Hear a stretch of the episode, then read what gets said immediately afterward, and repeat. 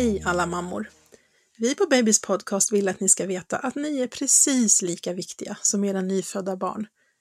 Oavsett om det är ditt första barn eller om du gjort resan förut så behöver du tid för att ta hand om dig själv. Vi finns här för att ge kunskap och stöd för att optimera återhämtningen efter födseln. Därför är vi väldigt glada att återigen få samarbeta med Frida Mam och Frida Baby.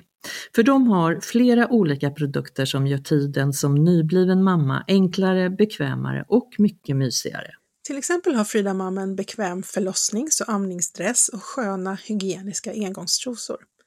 För dig som har fått en bristning är deras smidiga intimdusch och deras kylande maxibindor till stor hjälp. Och för dig som fött med kejsarsnitt kan en magstödsgördel och återhämtningsband vara ett skönt stöd. Och Frida Mam har också ett smart ärrplåster i silikon. Alla Frida Mams produkter säljs var för sig, men de finns även samlade i kit.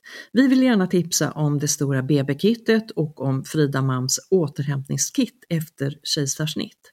Kejsarsnittskittet innehåller det du behöver för att lindra ömhet, skydda ärr, stötta kroppen efter din kejsarfödsel. Och de här kitten är ju en toppenpresent till den nyblivna mamman, eller varför inte att ge bort på en baby shower. Mer information om Frida Mam, Frida Baby och deras produkter hittar du på fridababy.se.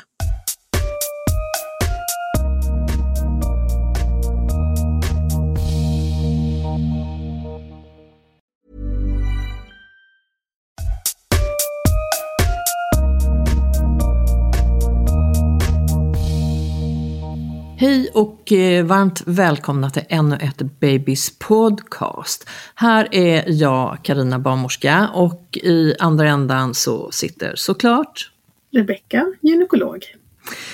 Och Rebecka, vi har ju varit inne på graviditetsfysiologin, hur den kan eh, ibland ställa till det i denna normala tycker vi, graviditet som då kan göra helt galna grejer faktiskt med kroppen. Och eh, svårt att säga på förhand när och varför alla gånger. Och vi var ju inne på tidigare, Rebecka, och pratade gravidfysiologi eh, i del 1, avsnitt 1. Eh, och då var vi inne och pratade om hur hjärtat, andning, blodtryck, blod och så vidare, hur den delen funkar. Mm. Idag tänkte vi flytta oss till eh, andra delar av kroppen. Ja, vi har många organsystem kvar. Det har vi. Eh, att gå igenom. Ja. ja, spännande. Så det blir lite mag-tarmkanal, det blir eh, urinvägar, ögon, sköldkörtel. Ja, lite huden, lite munnen. Mm. Ja. Så uh, lyssna, du som vill bli gravid eller du som är gravid, för här kommer massa uh, tips och också om uh, kroppens funktioner. Graviditetsfysiologi del 2.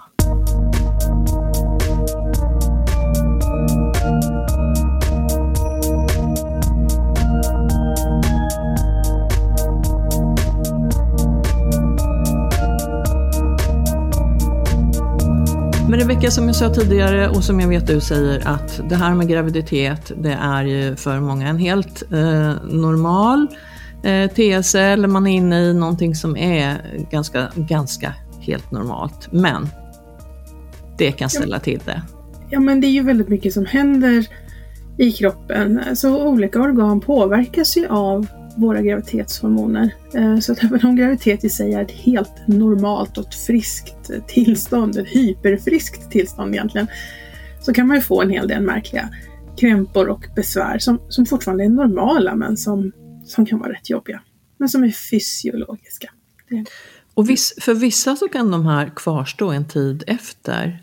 Och man kan vara ganska oförberedd på att graviditeten faktiskt kan te sig på det sättet. Jag som har varit så frisk i hela mitt liv och jag har hört att graviditet är inget sjukt.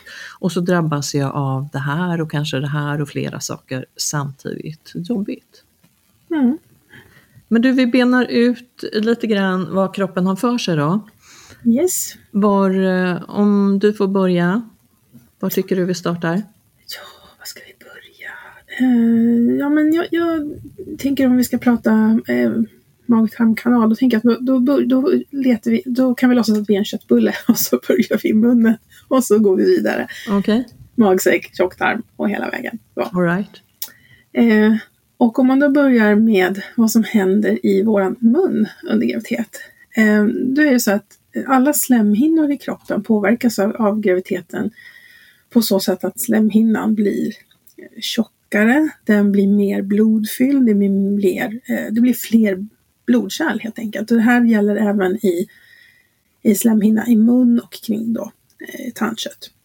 Så tandköttet blir, eh, ofta blir det lite, eh, lite tjockare. Man kan ibland också se att tandköttet liksom ser ut att vandra ner lite längre på tänderna än det gör annars. Det är eh, lättare att få blödningar i tandköttet, till exempel vid tandborstning eh, i samma graviditet. Och alltså blödande tandkött, då tänker vi ofta så här, ja, men här, här är det tandlossning, eller här är det liksom sådana problem. Men det behöver inte vara under graviditet, utan då kan det faktiskt bara vara att, att det är fler blodkärl och mer lättblödande blodkärl i, i eh, liksom, tandköttet. Eh, något annat som händer i munnen det är att saliven får ett lägre pH, det blir, det blir surare än annars. Och man får också mindre saliv, alltså min, minskad utsöndring av saliv och den saliven blir också lite tjockare. Och allt, de här, så allt det här tillsammans gör att under graviditet så har man faktiskt en ökad risk för karies, alltså en ökad risk att utveckla hål i tänderna. Så vi brukar alltid rekommendera gravida att de besöker sin tandläkare under graviditet och gärna, gärna i tidig graviditet. Att få liksom en extra koll, en extra undersökning. Men det är ett bra tips. Men du, i vilken vecka skulle du säga att man ser de här eh, munförändringarna? Jag kan börja hyfsat tidigt ändå. Alltså jag tycker nog att um, det här med saliven kan man ju märka av ganska tidigt, alltså vecka 5-6. Ofta så kanske man tänker på det som en del av illamåendet, att man blir lite torrare i munnen eller att det blir liksom lite tjockare saliv, att den är svårare att svälja. Det här lättblödande tandköttet kommer väl kanske lite senare, eh, kanske vecka 14, 15, 16 och framåt och så håller det i sig hela graviditeten. Och att, att jag säger då att gärna gå till tandläkare tidigt i graviditeten, det är helt enkelt för att ska man göra någonting då, laga ett hål eller som jag fick göra, rotfylla en tand under graviditet. Då är det faktiskt skönast att göra det när magen är ganska liten. För att ligga i en tandläkarstol länge eh, med en stor gravidmage, mage, Eh, det är jobbigt. Så försök att fixa allting tidigt, är mitt tips. Och det är inga problem att eh, göra röntgenbilder av tänderna under graviditeten. Eh, man bara talar om för sin tandläkare eller tandsköterska att man är gravid. Så får man ett blyförkläde. Man får ju alltid lite sånt här liten krage på sig för att skydda eh, sköldkörteln vid röntgen. Men då får man också en som man lägger eh, över kroppen, skydda magen. Ja, så rekommendationen är att göra ett tidigt besök hos tandläkaren. Yes. Men om man vandrar neråt så, så har vi ju hela mag-tarmsystemet. Och där Mm. vet vi ju att progesteronökningen den leder ju till minskad produktion av motilin. Va? Ja, precis. Och motilin är ju ett, ett hormon som helt enkelt styr magsäckens rörlighet. Ehm, så att progesteronet gör att magsäcken kommer att röra sig mindre, knåda mindre. Den tömmer sig också långsammare. Så det vi äter blir kvar i magsäcken längre än annars. Ehm, det är också så att progesteronet gör att den övre magmunnen, alltså dörren mellan matstrupe och magsäck, den blir avslappnad och lite vidgad. Och det är därför som det är lätt att både magsyra och mat liksom åker upp från magsäcken och upp i, i matstrupen. Och det känner vi igen som halsbränna, sura uppstötningar. Eh, sen, ja, och sen i slutet på graviditeten, förutom det här hormonella, då har vi också att, att eh, livmodern faktiskt trycker på magsäcken. Då får vi ännu mera tryck upp mot magsäck och upp i matstrupen. Och då skulle du säga att eh, halsbränna och reflux är samma sak? Mm, halsbränna är ett symptom på reflux. Reflux betyder ju att, att någonting från magsäcken åker upp i matstrupen och halsbränna är ju ett symptom på det. Och det är ju extremt jobbigt för otroligt många. Så hade jag det. Ett av de få problem eller symptom jag hade på graviditeten, det, det var faktiskt reflux. Mm. Och riktigt, riktigt jobbigt. Men här kan man ju, det kan man ju åtgärda till i alla fall viss del med eh, läkemedel. Precis, det finns ju flera olika eh, receptfria preparat på apoteket som man kan fråga efter som funkar jättebra under graviditet och som neutralisera neutraliserar den här syran i magen eller minskar produktionen av syran i magen. Sen kan man också tänka på lite grann vad man äter för att vissa födoämnen gör ju också att den här avslappningen i, mag, alltså i magmunnen att den blir ännu värre. Eh, choklad till exempel, tyvärr, det är ju så gott men, men det blir, gör att det blir ännu mer avslappnat i magmunnen. Eh, fet mat likaså gör ju också att mag, magsäcken tömmer sig ännu långsammare. Så det kan man också tänka på att, att försöka undvika. Um, och sådana här klassiska tips som om man har mycket problem med halsbränna när man ska gå och lägga sig på kvällen. Ja, men ha gärna ett par extra kuddar. Så att du inte ligger platt utan kanske halvsitter lite. Uh, då blir det svårare för maginnehållet att ta sig upp i matstrupen. Så lite sådana knep. Men du, den här, de här eh, eh receptfria läkemedlen som man kan ta, Mm. det säger man ju ibland att, eh, att man ska ta innan man äter. Ibland har man ju förmåga att ta dem efter mat. Mm. Lite olika från preparat till preparat. Det tycker jag man, man frågar på apoteket och läser på sitt paket. För det beror lite grann på vad det är för preparat. Om man ska ta innan måltid eller till måltid eller efter. Det beror De har lite bra på kunskap på apoteket. Verkligen. De Mm. här preparaten kan de bra. Liksom. Så ta hjälp av de som jobbar på apotek. Men du, den här minskade rörelsen i tarmen då? Vi har ju många gånger pratat om eh, eh, förstoppning Mm. som i sin tur kan leda till jobbiga hemorrojder. Vad säger du här?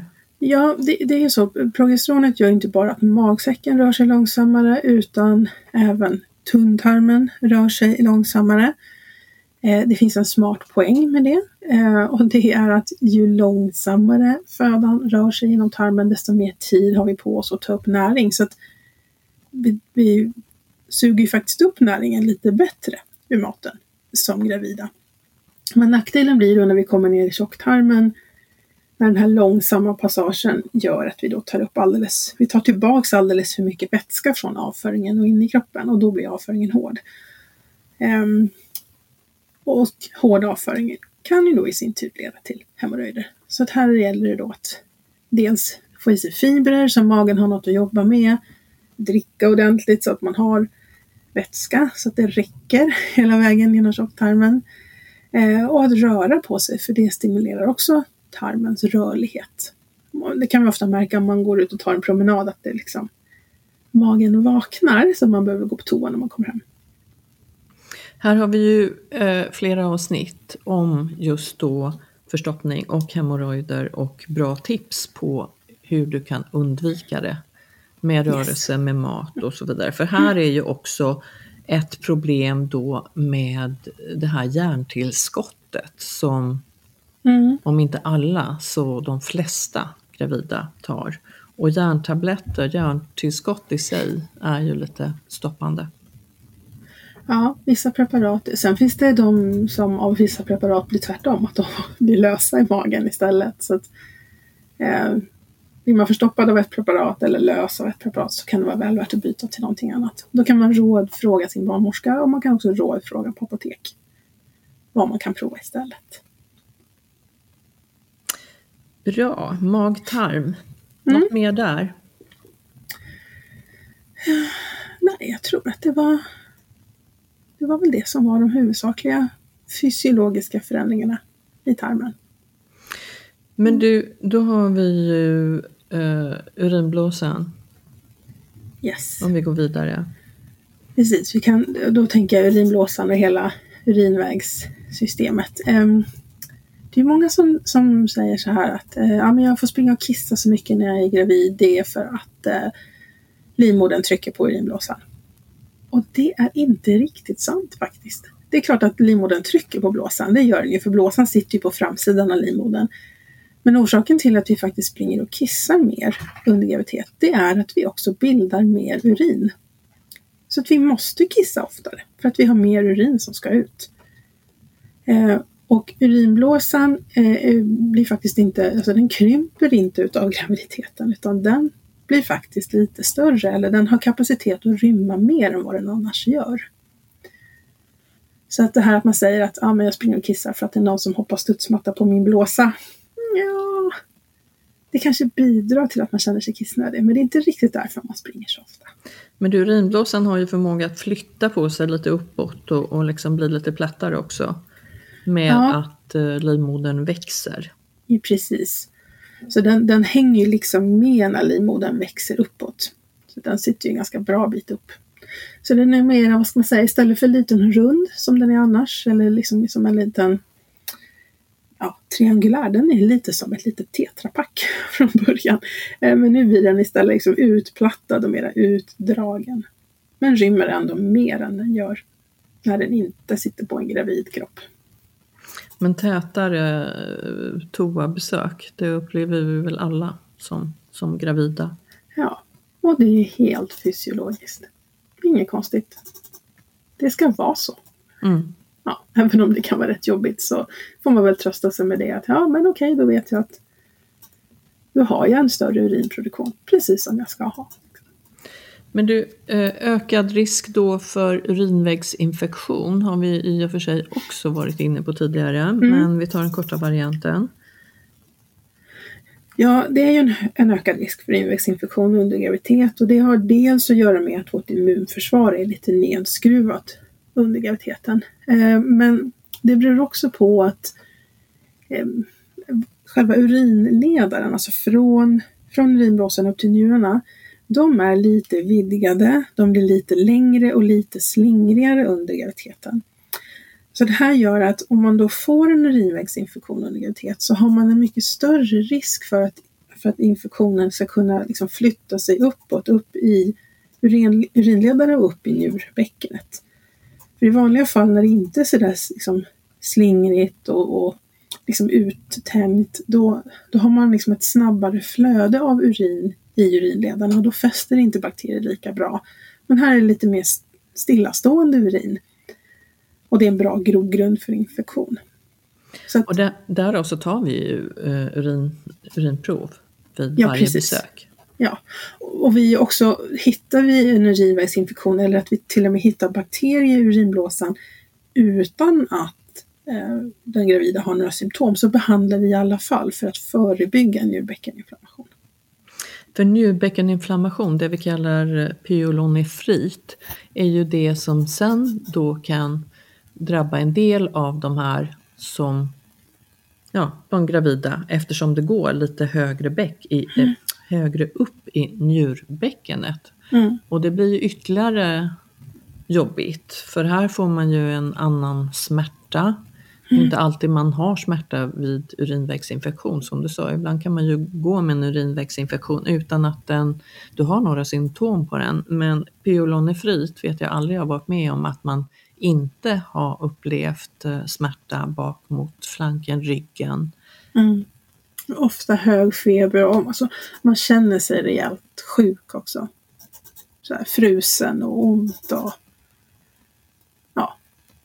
Hurven som vi säger där jag kommer ifrån. Det kanske är väldigt dialektalt men Murven? Hurven. Hurven, okay. Man blir Aha. hurven. Man blir hurven, ja. ja. Så vi, känner er hurviga där ute ni som är gravida så ska ni direkt till barnmorskan för att se mm. om ni kan behöva behandling. För man kan ju behandla pyelonefriten.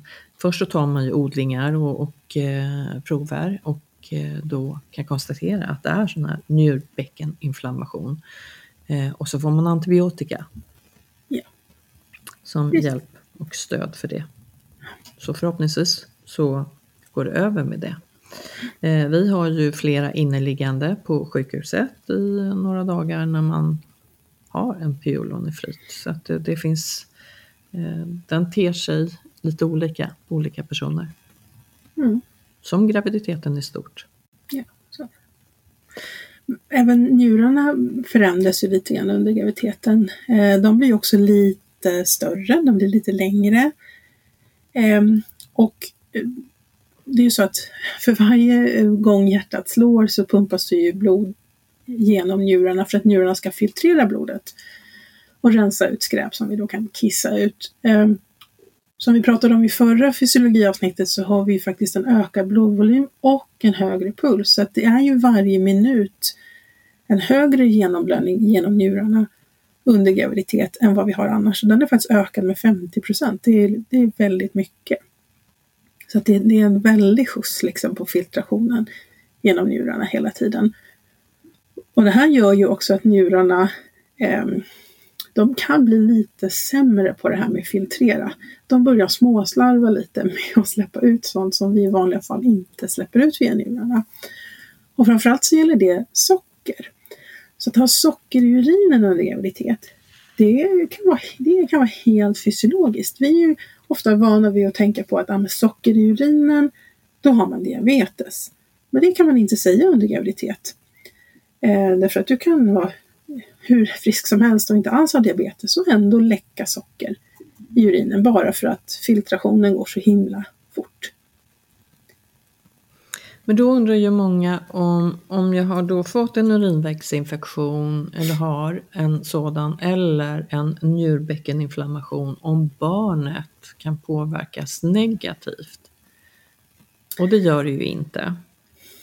Inte direkt. Um, man kan säga att indirekt kan det ju påverka, för får du en, en njurbäckeninflammation med väldigt hög feber så ska man ju komma ihåg att um, fostret får ju liksom en temperatur, en grad högre temperatur än mamma, så det är klart att det blir väldigt varmt då om mamma får feber. Um, det, om man inte behandlar en pylonefrit eller en kraftig urinvägsinfektion så finns också en ökad risk för för tidig förlossning och då påverkar det ju alldeles definitivt det väntade barnet. Så det är inte så att infektionen i sig går över i livmodern eller går över till fostret, men indirekt så, så påverkar ju fostret i alla fall för att mamma är sjuk. Precis, det är ju därför vi så eh, ja, pratar om för tidig födsel och eh, sambandet med en urinvägsinfektion. Mm. Men ingen, eh, ingen, ingenting som händer barnet direkt. Nej, Eller går över tid. till barnet. Nej precis, behandlar vi mamma så, så är det ju ingen fara. Men du, eh, nog om det. Vi har eh, nog, eller vi ser många gravida som får stå på Levaxin. Och vad är då Levaxin mm. och varför? Eh, Levaxin är ju ett, eh, ett eh, hormon, alltså ett sköld, sköldkörtelhormon. Det är eh, T4 i tablettform. Eh, och det är ju många som får en viss påverkan på sköldkörtelhormonproduktionen under graviditet. Eh, det är så här att vårt graviditetshormon, eh, som då heter HCG, humant eh, koriongonadotropin, eh, faktiskt stimulerar vår sköldkörtel. Eh, I vanliga fall så är det ju hjärnan som bildar ett ämne som heter TSH som då stimulerar sköldkörteln att bilda mer hormon. Men graviditetshormonet HCG är väldigt, väldigt likt TSH, så sköldkörteln kan liksom inte se skillnad på de två. Och det gör att när HCG då börjar stiga i tidig graviditet, då börjar också sköldkörteln att bilda mer eh, hormon, alltså mer T4. Och tar man då blodprov så kan man se att T4 har stigit och då har TSH istället då reflexmässigt sjunkit. Och det här ser man oftast då i första trimestern. Sen i andra trimestern, alltså andra tredje delen av graviditeten, då normaliseras det här. För då sjunker också graviditetshormonet. Ehm, men de som får liksom börja med Levaxin under graviditet, de har ju inte ett högt T4. Utan de har ju snarare då ett lågt T4. De har för lite hormonproduktion. Eh, och det här har vi nu börjat att vi, vi faktiskt kollar det på alla gravida. Vi kollar TSH. Och de som har ett högt TSH som ett tecken på för låg hormonproduktion i sköldkörteln, de får hormonet då i tablettform. Och det här är både då för att minska missfallsrisken eh, och så vidare, men det är väldigt mycket också för fostrets skull. För att fostret behöver T4 för, för utvecklingen av, av hjärnans funktioner. Um, så det fysiologiska är att ha ett högt T4. Men vi är ju på jakt efter dem som inte får den här höjningen, för de behöver hjälp med medelvaccinbehandling. Och- Var det där väldigt rörigt eller gick det att förstå? Ja, men, ja, ja, ja, men pedagogiskt som alltid. Eh, men för frågan är ju hos många om det ökar risken, du var inne på det, för missfall eller komplikationer för barnet. Om man har ett alldeles för lågt T4, ja. Om om vi liksom märker att eh, T4 är lågt, då blir TSH högt. Oftast har vi bara TSH. Eh, så ett högt, högt TSH ökar risken för missfall. Medan har man då det här fysiologiska, att man får ett högt T4, hög produktion av sköldkörtelhormon, då sjunker T, TSH reflexmässigt. Det är ju fysiologiskt, där finns det ju ingen koppling till missfall. Men du, Så- när, ibland så pratar man ju om svårigheter att bli gravid. Mm. Men det är väl vid hyper, alltså ett för högt. Hypo också faktiskt. Hy, både hyper och Ja, eh, så både- alltså under och över Exakt. Så funktion. att både för mycket och för lite sköldkörtelhormon kan störa ägglossningen och göra det svårare att bli gravid. Och kan öka missfallsrisken. Så att när vi gör fertilitetsutredningar eller missfallsutredningar så, så ingår ju sköldkörtelprov i det här och då letar vi både efter för höga och för låga värden. Så sätter man, in, sätter man in rätt behandling där och så, Ja. så kan man absolut bli gravid och må bra under graviditeten. Är det en överproduktion utav sköldkörtelhormon, alltså en äkta hypertyreos, Eh, då, då remitterar ju vi till endokrinolog, alltså hormonspecialist, som behandlar det först. Så en hypertyreos ska ju liksom vara behandlad innan man blir gravid. Sen kollar vi prover under graviditet också, men, men eh, det är viktigt att man får behandling för den här överproduktionen först. Är man extra noga med barnets tillväxt under den här eh, eh tiden då man har Eh, ökad eller en underfunktion av sköldkörteln? Nej, vi brukar inte faktiskt kolla på, på tillväxt eh, annat än det här vanliga att vi mäter, mäter det här magmåttet och gör ultraljud om det behövs. Eh, därför att underfunktionen i sköldkörteln handlar mer liksom om hjärnans utveckling. Det är ingenting vi kan mäta eller se med ultraljud. Det har inte med tillväxten, det har inte med vikten att göra. Eh, vid, en, vid en hypertyreos där den gravida också har antikroppar mot sin sköldkörtel, så kallade TRAC, då gör vi ultraljud eh, på fostret. Men egentligen är det inte för att mäta tillväxten utan det är mer för att titta på fostrets hjärtrytm och eh, till viss del också på fostrets eh, egen sköldkörtel. Då gör vi en tillväxtkontroll ändå av bara farten när vi ändå tittar. Men det är inte tillväxten som är det, liksom, det farliga. Utan det är andra faktorer vi letar efter. Men du, när man sa tidigare att gravida ska använda joderat, alltså mera jod i saltet, joderat Ja. salt. Är det det vi gör fortfarande eller Ja. finns det modernare alternativ? Nej, den rekommendationen gäller fortfarande. Joderat salt under graviditet. Och den mängden jod, om man saltar normalt på maten, den, den ska räcka under graviditet. Så man behöver inte ta några extra översalta jod. heller. Nej, man behöver inte översalta heller därför att då får man andra eh, bekymmer med, med att man samlar på sig vätska och får högt blodtryck och så vidare. Så att eh, det här normala som vi saltar när vi kokar potatis eller kokar pasta eller kanske saltar på det kokta ägget på morgonen. Men det, gör, det gör inte alla det. Fast de har inte salt med jod i då kanske. Man kanske har Nej, det här. det, det har ju ett tag varit väldigt trendigt med ojoderat salt, framförallt med flingsalt då, som inte har innehållit jod. Och då har man ju märkt att jodhalterna har sjunkit och det, har, eh, det blir fler med underfunktion i sköldkörteln. Numera finns det faktiskt flingsalt med tillsatt jod, så att, läs på förpackningen bara. Det ska vara jod i saltet under graviditet. Men, men hos oss vanliga eh, ogravida som har fött klart, Ja. gäller det samma för oss?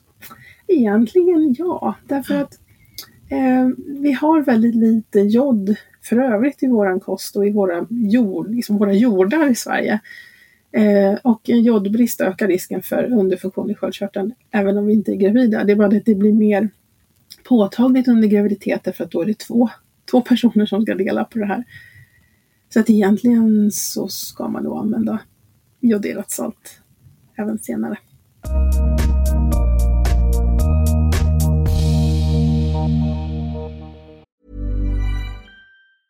Normally, being a little extra might be a bit much, but not when it comes to healthcare. That's why United Healthcare's Health Protector Guard fixed indemnity insurance plans, underwritten by Golden Rule Insurance Company, supplement your primary plan so you manage out of pocket costs. Learn more at uh1.com. Say hello to a new era of mental health care. Cerebral is here to help you achieve your mental wellness goals with professional therapy and medication management support. 100% online. You'll experience the all new Cerebral Way, an innovative approach to mental wellness designed around you. You'll get a personalized treatment plan from a therapist, prescriber, or both in a safe and judgment free space. Your cerebral therapist or prescriber will outline a customized plan with clear milestones along the way so you can get to feeling your best. With Cerebral, you're not alone in your mental health journey. We're here to empower you to live a fulfilling life. So take that first step towards a brighter future and sign up today at cerebral.com slash podcast and use code ACasts to get 15% off your first month. Offer only valid on monthly plans. Other exclusions may apply. Offer ends July 31st, 2024. See site for details.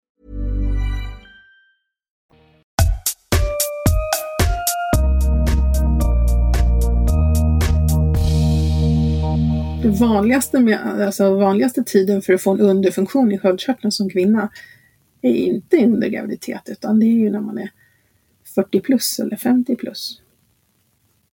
Så tipset är också joderat salt. Ja. Det är helt underbart tycker jag när vi är inne i saltsvängen här hur många olika typer av salt det finns. Mm. Salt, salt kan väl bara smaka salt om du inte tillsätter Ja. oliver eller rosépeppar eller så. Mm. Men salt är väl salt? Ja, salt är ju natriumklorid om vi nu ska bli hur? kemiska. Men sen kan ju saltet utvinnas från olika, olika platser och kanske få olika smak av det också. Så att, ja, där är inte jag någon eh, stor kännare. Kan jag Nej, inte säga. jag heller måste jag säga. Jag är bara Nej. fascinerad av hur, hur man kan sälja olika salt väldigt dyrt med Mm. eh, väldigt lite skillnad i smak. Men nog om det. Om vi har någon kock som lyssnar på oss som, som kan reda ut det här Ja, så hör gärna av er. Jag vet i alla fall att, att det är eh, sambon till en kock som lyssnar. Hon lyssnar alltid. ah, Hej. okej. Ja. Eh, kan inte du fråga gubben där hemma om det här med salt och så kan du meddela mig det. Du vet vem du är. Vi, vi slänger ut en, en, eh, någonting på Instagram där. Ja. Salt, vilket salt som... Ja. Mm. Yes, nog om salt, nog om tyroidea, sköldkörteln. Om inte du hade ett tillägg där. Nej, alltså vi har ju också tidigare avsnitt om just det här med underfunktion i, i sköldkörteln, alltså hypotyreos under graviditet. Eh, så det kan ni bläddra tillbaka. Eh, ni kan också bara göra det enkelt för er och söka på Babys podcast hypotyreos så kommer det avsnittet upp. Mm. Yes, yes. Men du, vi har också som gravid eh, en metabolism som det så vackert heter. Eh, Mm. ofta, ofta en ökad aptit. Ja, Hur, hur? Du är ju också kostrådgivare så det passar ju alldeles ypperligt med även det här. Mm. Den här ökade aptiten eh, är faktiskt också en effekt. Nu kanske inte alla känner av den i början därför att man kan ju också må illa och tappa lite aptit. Men när illamåendet till slut släpper så, så är det många som känner liksom Ja, man är lite hungrigare, lite törstigare, lite mer sugen på vissa saker. Ehm, många frågar ju då hur mycket extra behöver jag peta i mig för att det ska räcka både för mig och mitt foster. Ehm, och det är naturligtvis då lite olika på om det är tidigt i graviditeten eller sent. Ju större fostret är, desto större är ju behovet såklart. Men skulle man ta något slags genomsnitt för hela graviditeten så är det ungefär eh, 300 kilokalorier per dag. Och ja, vad är det? En eh, En smörgås med ost och ett glas juice till exempel. Skulle det kunna vara. Så det är inga stora mängder. Men jag brukar ofta säga ett extra mellanmål. Och då får mellanmålet gärna innehålla både kolhydrater, protein, fetter, lite grönsaker eller frukt. Så att man får i sig liksom, så att inte mellanmålet bara är en skorpa eller en apelsin eller någonting. Att man tänker att man får i sig alla de här makronutrienterna man ska ha. Eh, sen kan det vara så under, det är också lite märkligt med, med ämnesomsättningen under, under graviditet att eh, vi har faktiskt som gravida ett lägre fast blodsocker än vad vi har annars. Det är många som tänker tvärtom, att vi har ett högre blodsocker som gravida. Men, men vi har faktiskt lite lägre, så när vi vaknar på morgonen så har vi lite lägre blodsocker än vad vi har som icke-gravida. Något annat som vi får istället det är att efter måltid så sticker blodsockret iväg så vi får en hyperglykemi. Vi får ett väldigt högt blodsocker direkt efter måltiden. Och det här kan man ibland känna av att man efter måltid eh, kanske är tröttare eh, än annars. Eller att man blir väldigt sötsugen efter måltid. Det kan också vara en sån trigger. Ja, men det där med näring är väl ändå viktigt. Eh, som du sa, eh, tallriksmodellen eller ännu mer att tänka till vad man äter. För det handlar ju om näring till bebis, men det handlar om näring till dig också. Så att du ska orka och må så bra som möjligt. Få mycket energi i din graviditet. Mm. Och sen är det ju, det är ju knepigt om man mår illa och då behöver man inte vara så himla sträng mot sig själv i början utan har du svårt att äta och dricka, liksom ät det du kan få i dig. Vill du, känner du att det enda du kan äta är eh, yoghurt och fruktsallad, men gör det då, bara du får i dig någonting. Eh, sen när illamåendet lugnar sig, då kan man liksom börja tänka lite så här, ja, men, Äter jag varierat? Får jag i mig fibrer? Äter jag fet fisk tre gånger i veckan? Alltså då, men i början tycker jag man kan vara lite, lite snäll. Man behöver inte ligga och straffa sig själv liksom för att ja, jag kan inte behålla mat men jag måste äta lax tre gånger i veckan. Nej. Man har reserver att ta av som tur är också. Ja, då får man äta det man kan äta. Ja, precis. Mm. Och kan man inte äta något så får man hjälp av vården. Ja. Eh, så som en händelse så råkar vi ju ha avsnitt om eh, graviditetsillamående och eh, hyperemesis gravidarum också. Mm. Flera stycken. Ja, mm. flera stycken. Mycket, mm. mycket bra tips i dessa poddavsnitt.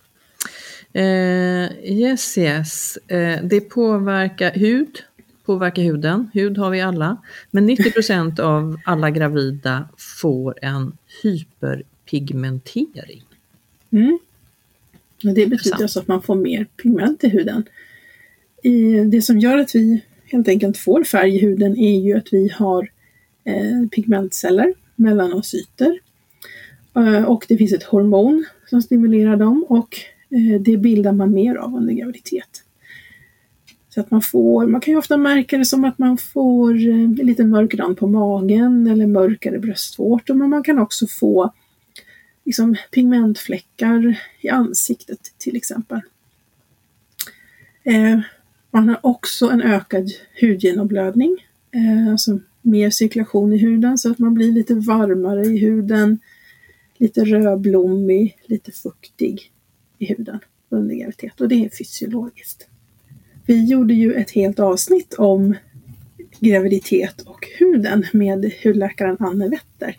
Så att eh, vill man djupdyka så kan man lyssna verkligen eh, på djupet om hur hur huden beter sig normalt under graviditet men också hur olika hudsjukdomar kan förändras, förbättras eller försämras under graviditeten. Ett bra avsnitt, ett viktigt avsnitt även det. Mm. Men det är någonting som vi inte har ett avsnitt om och vi pratar om graviditetsfysiologin, då är det att det kan faktiskt påverka våra ögon och Eh, synen. Hormonella förändringar här också. Vi skyller mycket av det här på hormonella förändringar som det ju faktiskt är. Mm. Eh, och det påverkar många gånger ögats hornhinna. Precis, och här är det nog mer en östrogeneffekt än en progesteroneffekt tror man. Därför att östrogen gör att man samlar på sig vätska i kroppen. Och då kan man faktiskt också samla på sig vätska både i hornhinnan och i linsen. Och i ögat generellt. Så att hornhinnan blir lite tjockare och det är inte mycket. Det är ett par tre procent men det kan faktiskt räcka för att förändra synen lite grann. Eh, linsen blir också lite tjockare då för att det är mer vätska i den. Man får ett lägre tryck i ögat också och man får också ett påverkat synfält som gravid. Eh, det vill säga att man har inte riktigt samma bredd och höjd i sitt synfält som, som annars. Det här är faktiskt något som vi har skojat ganska mycket om hemma hos oss under mina tre graviditeter. För att alla tre graviditeterna så har jag fått så dåligt synfält så att när jag ska parkera i parkeringsgarage så har jag krockat med de här betongpelarna. Fast när jag kommer hem så säger jag till min man att, att jag har blivit påkörd av en betongpelare. Det kan inte vara mitt fel. Liksom. Jag, menar, jag kör mycket bil. Jag parkerar okay. jämt. Alltså jag, jag ska säga, jag är fan bra på att köra bil, ursäkta franskan. Men under graviditet så är jag inte det. För jag tappar perifert seende. Du kanske inte ska köra bil då, nu ska du inte ha några fler barn säger du. Men, Nej, men, eh, men betongpelarna är ute och kör och kör på dig. Det, ja. det kanske... Ja. Det var trakasserier helt enkelt ja. att de var på mig.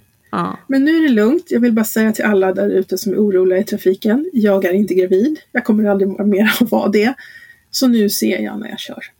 Och vi kan väl också lugnt säga att de där eh, betongpelarna som var ute och körde, de står alldeles så stilla, så don't you worry. Mm, precis. De var och, bara ute efter dig, Rebecka. De var bara ute efter mig, um, tror jag. Ja. ja, betongpelarna står kvar också, så de, de klarade sig ganska bra. Eh, men, men allvarligt talat, så varenda gång jag går till optiker eh, så brukar vi chitchatta lite om vad jag jobbar med och det, det är väldigt ofta som optiken säger så här Men du, kan inte du göra oss en tjänst? Kan inte du berätta för gravida eller kan inte du berätta för barnmorskor att, att man får sämre syn under graviditet och man ska inte springa och byta glasögon eller linser det första man gör. Eh, därför att den här förändringen, synförändringen, den går ju tillbaka sen efteråt. Eh, och då är det ju lite synd att ha lagt tusentals kronor på nya glas i sina glasögon eller nya linser. Och sen måste man i alla fall byta tillbaka. Så är det så att det bara är lite sämre och man klarar sig bra ändå så kan man låta det vara. Är det däremot så att det blir mycket sämre och man kanske får huvudvärk, ja men klart då ska man ju gå till en optiker. Och man kan ju alltid diskutera med sin optiker.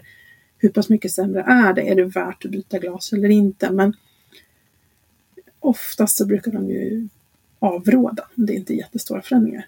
Det kanske hade varit billigare för dig om du hade fixat ett par glasögon istället för att pelarna körde på bilen. Ja, fast det hade inte hjälpt med synfältet Karina. Nej, okej. Okay. Synskärpan var okej, okay. det var bara det att ah, jag okay. liksom... Mm, att ja. fältet var för trångt. Ja, sen kanske lite gravid disträ och lite... Mm. Ja. Mm. Men det är inte så, tror du, för det är ju sällan vi pratar om det här med eh, ögonen och den problematiken som faktiskt kan uppstå. Men det eh, skulle det kunna vara så, synfältet är ju inte så lätt att, att påverka på annat sätt, men jag tänker det kan ju vara andra förändringar. Eh, kan vi gå och prova ett par glasögon på apoteket och se om vi ser lite bättre med det? De behöver ju inte vara så dyra. Ja, alltså de man säljer på apotek eller på, man kan ju köpa dem på andra ställen också, det är ju specifikt läsglasögon. Eh, så de är ju gjorda för de som eh, liksom har den här åldersförändringen, att man börjar se dåligt på nära håll men bättre på långt håll. Det här klassiska när man börjar hålla mobiltelefonen eller boken längre och längre och längre bort från den och sen räcker inte armarna till. Det, det är det synfelet som de glasögonen eh, hjälper till med. Eh, och det är inte alls nödvändigt att man har just det synfelet som gravid. Det kan ju vara faktiskt att du är närsynt redan från början och så blir det sämre under graviditet. Så att då, och de typen av glasögon finns ju inte på apotek. Kan, man kan prova sig fram ifall det skulle kunna vara en kombo där innan man går och förändrar sina linser ja. eller glasögon. Man kan faktiskt göra en koll hos optiker. Um, göra en synundersökning. Det betyder inte att man måste köpa ett par glasögon eller byta glas i de glas man har. Man kan ta en synundersökning och så kan man diskutera det. Och jag tycker att Eh, när jag har varit hos optiker, eh, jag springer rätt ofta hos optiker för jag har jobbiga ögon, men det är inte så att de alltid, alltid säger det är klart vi ska ha nya glas. Eh, verkligen inte. Det är ju inte liksom någon säljkår på det sättet, utan det är verkligen så nej men här tror jag vi kan, vi kan behålla de här liksom. Så att sin optiker kan man lita på. Ja men absolut och det är ju inte så att vi säger, säger heller köp, köp och köp nytt utan yes. verkligen återbruka och se vad du behöver och eh, låna när du kan. Eh, men här så kan det ju vara jobbigt men här eh, som du sa att man är medveten om att det kan att vissa av de här synförändringarna kan uppstå gör ju mm. också att man eh, kan förhindra mycket på det sättet. Mm. Och att de kan te sig lite olika, mm. synrubbningar, synskärpan. Ja, mycket är det som eh, kan förändras i kroppen. Det mesta skyller vi det hormonella på, hormonella spelet. Ja. Men det finns genetiska anledningar ja. till att det är som det är. Det finns ju också genetiska orsaker till varför de här fysiologiska förändringarna märks mer eller mindre hos en viss person också. Så är det ju. Det är inte så att alla får alla de här fysiologiska förändringarna heller, utan man märker väl av olika saker olika mycket. Ja, men så är det absolut och även mm. fast då mamma, mormor, fastrar, mostrar eh, har haft eh, några av de här symptomen kanske så, så behöver du inte drabbas. Just. Så är det. Men du, vi har gått igenom graviditetsfysiologi i två steg. Mm. Och täckt in, eh, inte allt, men ganska så mycket. Mm.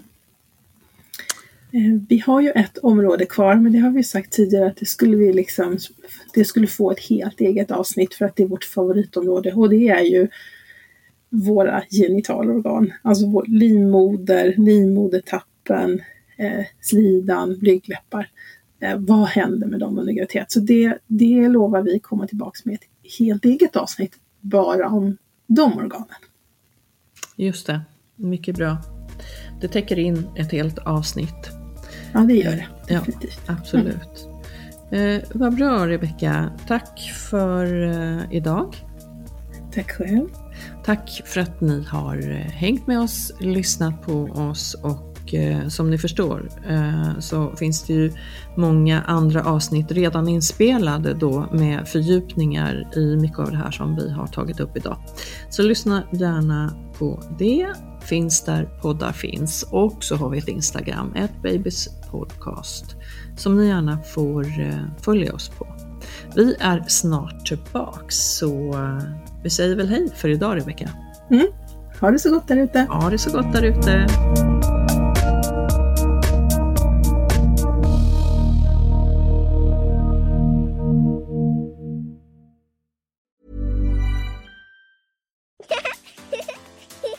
Too tired to clean your floors after playtime?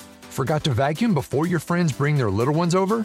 Let Eufy X10 Pro Omni help. Powerful 8000 PA suction removes debris, and MopMaster dual mop pads scrub away stubborn stains with ease. Save time and keep your floors cleaner. Want to know more? Go to eufy.com, that's EUFY.com, and discover X10 Pro Omni, the best in class all in one robot vacuum for only $799.